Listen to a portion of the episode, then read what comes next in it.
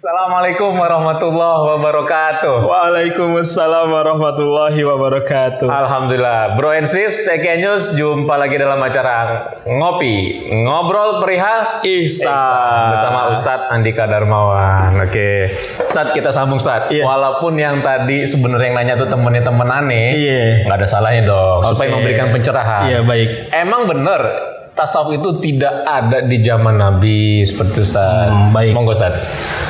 Jadi kita gini, kalau pertanyaannya apakah ada di zaman Nabi sebagai sebuah ilmu, ya, sebagai sebuah ilmu memang sebagaimana pernah kita bahas kan pada Iya. yang sebelumnya, Heeh, Islam Iman Ihsan itu ya. Islam Iman Ihsan ya, memang ilmu tasawuf itu munculnya belakangan, sebagaimana munculnya ilmu fikih juga belakangan. Sebagai disiplin ilmu ya. disiplin ilmu. Oke. Karena kan memang kita tahu ketika sudah kita bahas kan Islam iman ihsan turunannya kemudian menjadi Islam menjadi ilmu fikih, Ilmu fikih, ya, Islam, iman menjadi ilmu usuluddin, is usuluddin, kemudian ihsan menjadi ilmu tasawuf. ilmu tasawuf. Nah, sebagai sebuah ilmu memang munculnya belakangan. Oke. Tapi substansinya sudah ada pada zaman Rasulullah Shallallahu Alaihi Wasallam. Maksudnya gimana substansinya tuh? Begini, substansi itu kan isinya. Oke. Ya, isinya fikih apa sih walaupun dia munculnya belakangan? Hmm. Ya kan tentang sholat, tentang zakat, puasa, haji dan sebagainya kan. Hmm, tata cara ada nggak ya. zaman Nabi? Ada dong, ada. ada. Tapi kan sebagai sebuah ilmu dia muncul dan penamaannya munculnya belakangan. Oke.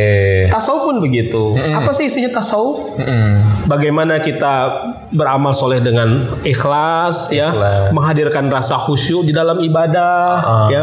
Kemudian juga kita bisa menerima segala apa yang Allah tentukan. Kalau ketika pahit getir kita sabar, Oke. kalau ketika nikmat kita syukur, Ah. kita bisa tawakal. Jadi ikhlas, ridho, khusyuk, sabar, tawakal itu kan substansinya Substansi. nya ilmu tasawuf. Betul. Jadi itu sudah ada zaman Rasul dan itu memang yang diajarkan oleh Rasulullah Shallallahu Alaihi Wasallam. Aneh jadi teringat Ustaz. Hmm. Kan dulu waktu kita bahas Triple I Islam Iman Ihsan Iya. itu kan ada hadis yang diangkat tuh. Iya. Tentang, tentang malaikat Jibril tuh kan Iya. yang akhirnya ada rukun Islam, Iman, rukun iman, rukun ihsan. ihsan. Ini yang tasawuf ya ya. Tasawufnya. Oke. Adapun mungkin kemudian banyak yang ada yang mengatakan tasawuf sesat. Oke. Nah ini mesti kita pilah dulu. Oke. Sebagai ajaran tasawuf itu tidak sesat. Kita mesti meyakini itu. Dan Sebagai memang itu ajaran. sebagai ajaran. Adapun kemudian ada timbulnya orang-orang yang melakukan kesesatan-kesesatan, berarti kita pilah. Hmm. Bukan ajarannya, bukan ilmunya, tapi pelakunya. Oknum. oknumnya pengamalnya beberapa pengamalnya ya. Nah, tapi ini pun kemudian bisa kita pilah lagi. Kenapa ada orang mengamalkan tasawuf itu dia bisa sesat? Hmm. Pertama pasti dia nggak punya guru. Oke. Jadi belajar tasawuf tanpa tanpa guru, tanpa pembimbing ya. tanpa pembimbing. Kan jelas kaidahnya. Betul. Man ta'alamal ilma falaisa lahu syaikhun fasyaihuhu syaiton. Ya Allah, kok ngeliatnya Jadi ke saya ya? siapa Kalau ngomong saya tuh ngeliatnya ke saya. Ngobrolnya kan sama jenengan. Oh, Oke, ngobrolnya. Tadi gimana Ustaz? Artinya Ustaz? Jadi siapa yang belajar ilmu tapi tidak punya guru Oke. tanpa guru, Uh-uh. maka gurunya adalah setan. Setan, yang ada sono Ah. gitu. Jadi yang pertama tadi ya, timbul kesesatan pertama karena belajar tanpa guru. Tanpa guru. Kedua, ada gurunya, Heeh. tapi salah guru. Maksudnya? Salah guru gini, guru itu ternyata tidak punya kapasitas sebagai seorang pembimbing spiritual, Oke. sebagai syekh mursid.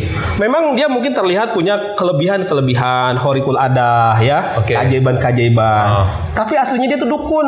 Oh, Dukun dianggap kiai. nyasar dong gitu. Nah, jadi yang kedua itu pertama tadi tanpa guru, Tanpa guru. yang kedua salah guru. Salah guru. Heeh. Yang ketiga nih, Hmm. tapi gurunya sudah benar kok gurunya orang soleh. Nah berarti dia tidak sesuai bimbingan guru. Oh, keluar dari yang Iya bimbingan guru. Kalau gurunya sudah benar, Oke. gurunya sudah soleh, sudah sesuai, sudah punya kapasitas sebagai seorang syekh mursid, Oke. tapi masih terjadi penyimpangan kesesatan, berarti dia Oke. tidak mengikuti bimbingan guru. Jadi lebih kepada tetap orangnya, bukan Orangnya. ajarannya yang mau yang dikatakan terjadi kesesatan-kesesatan itu. Kita ringkas dulu ya Sat ya. Hmm. Jadi Brown and Sis yang pertama itu sebenarnya secara istilah tasawuf itu memang tidak ada di zaman Nabi secara istilah. Secara istilah. Sepertilah disiplin-disiplin ilmu lainnya seperti ilmu, Ilmu fikih, ilmu nahu, ya, ilmu nahu. dan selain-lain itu. Namun substansinya seperti bagaimana belajar ikhlas, Iya. belajar sabar, Iya. itu sudah ada dari zaman Nabi kan gitu kan. gitu. Nah, yang kedua bicara tadi tentang tasawuf itu sesat, itu bisa kita eh, klasifikasi juga ya Ustaz Iya, ya. Yang pertama bisa jadi karena satu tidak ada guru, Tidak. tidak, ada guru pembimbing. Belajar Di sini, tanpa guru. Belajar tanpa guru. Ini bukan guru seperti karena ini keihsanan eh, tasawuf batin, inilah guru batin gitu Ustaz ya, bukan guru-guru disiplin ilmu yang Ya, dia belajar otodidak lah ini gua Otodidak. dari kitab-kitab dari buku-buku. Nah, seperti itu. Tetap nggak boleh, tetap nggak Yang kedua, walaupun sudah ada guru, belum tentu ternyata bisa jadi gurunya bukan guru yang berkualifikasi Iya. wali mursyid Iya. yang bisa membimbing gitu kan.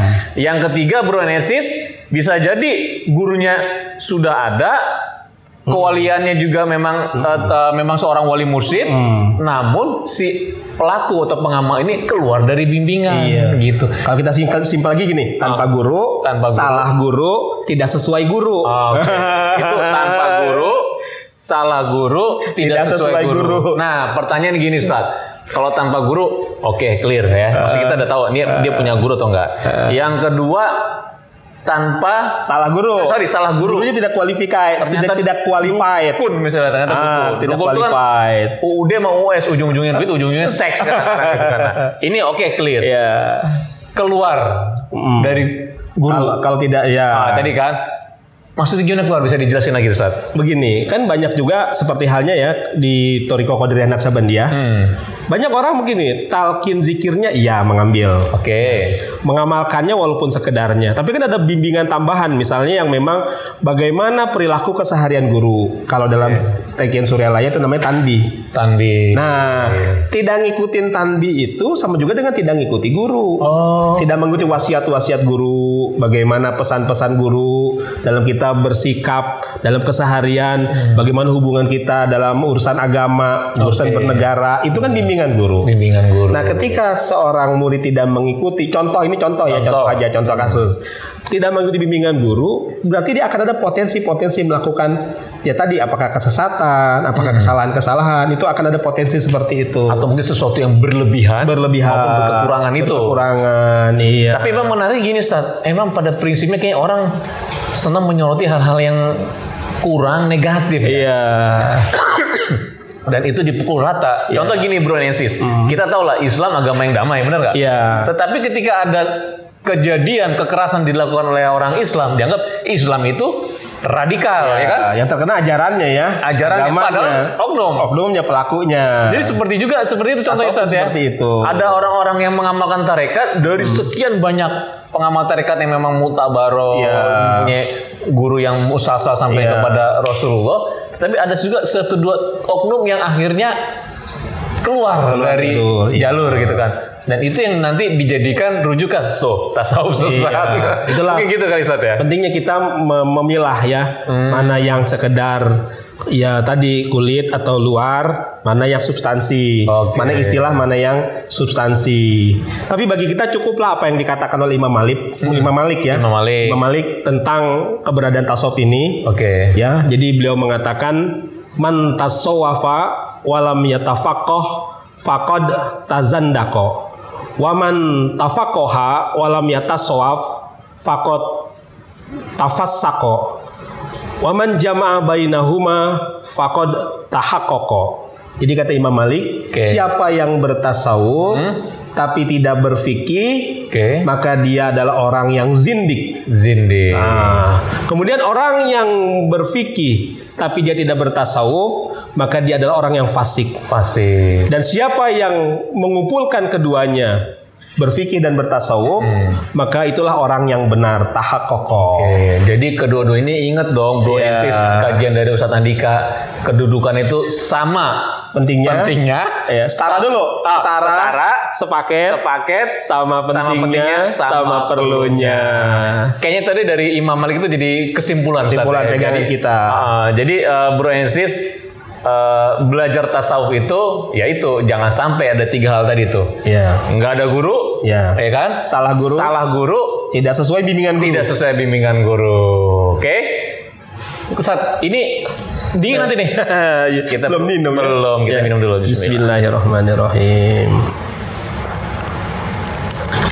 Alhamdulillah nih meh nih. Alhamdulillah. Ini kopi dari Kota Mobago nih. Ini sama teman-teman Kota Mobago dulu ada kopi khas Kota Mobago. Terima kasih nih. Terima kasih Haji Fian dan teman-teman. Vivian dan teman-teman. Alhamdulillah. Biasa. Oke. Bransis kita jumpa lagi dalam acara ngopi episode yang akan datang bersama Ustadz Andika. Ya. Assalamualaikum warahmatullahi wabarakatuh. Waalaikumsalam warahmatullahi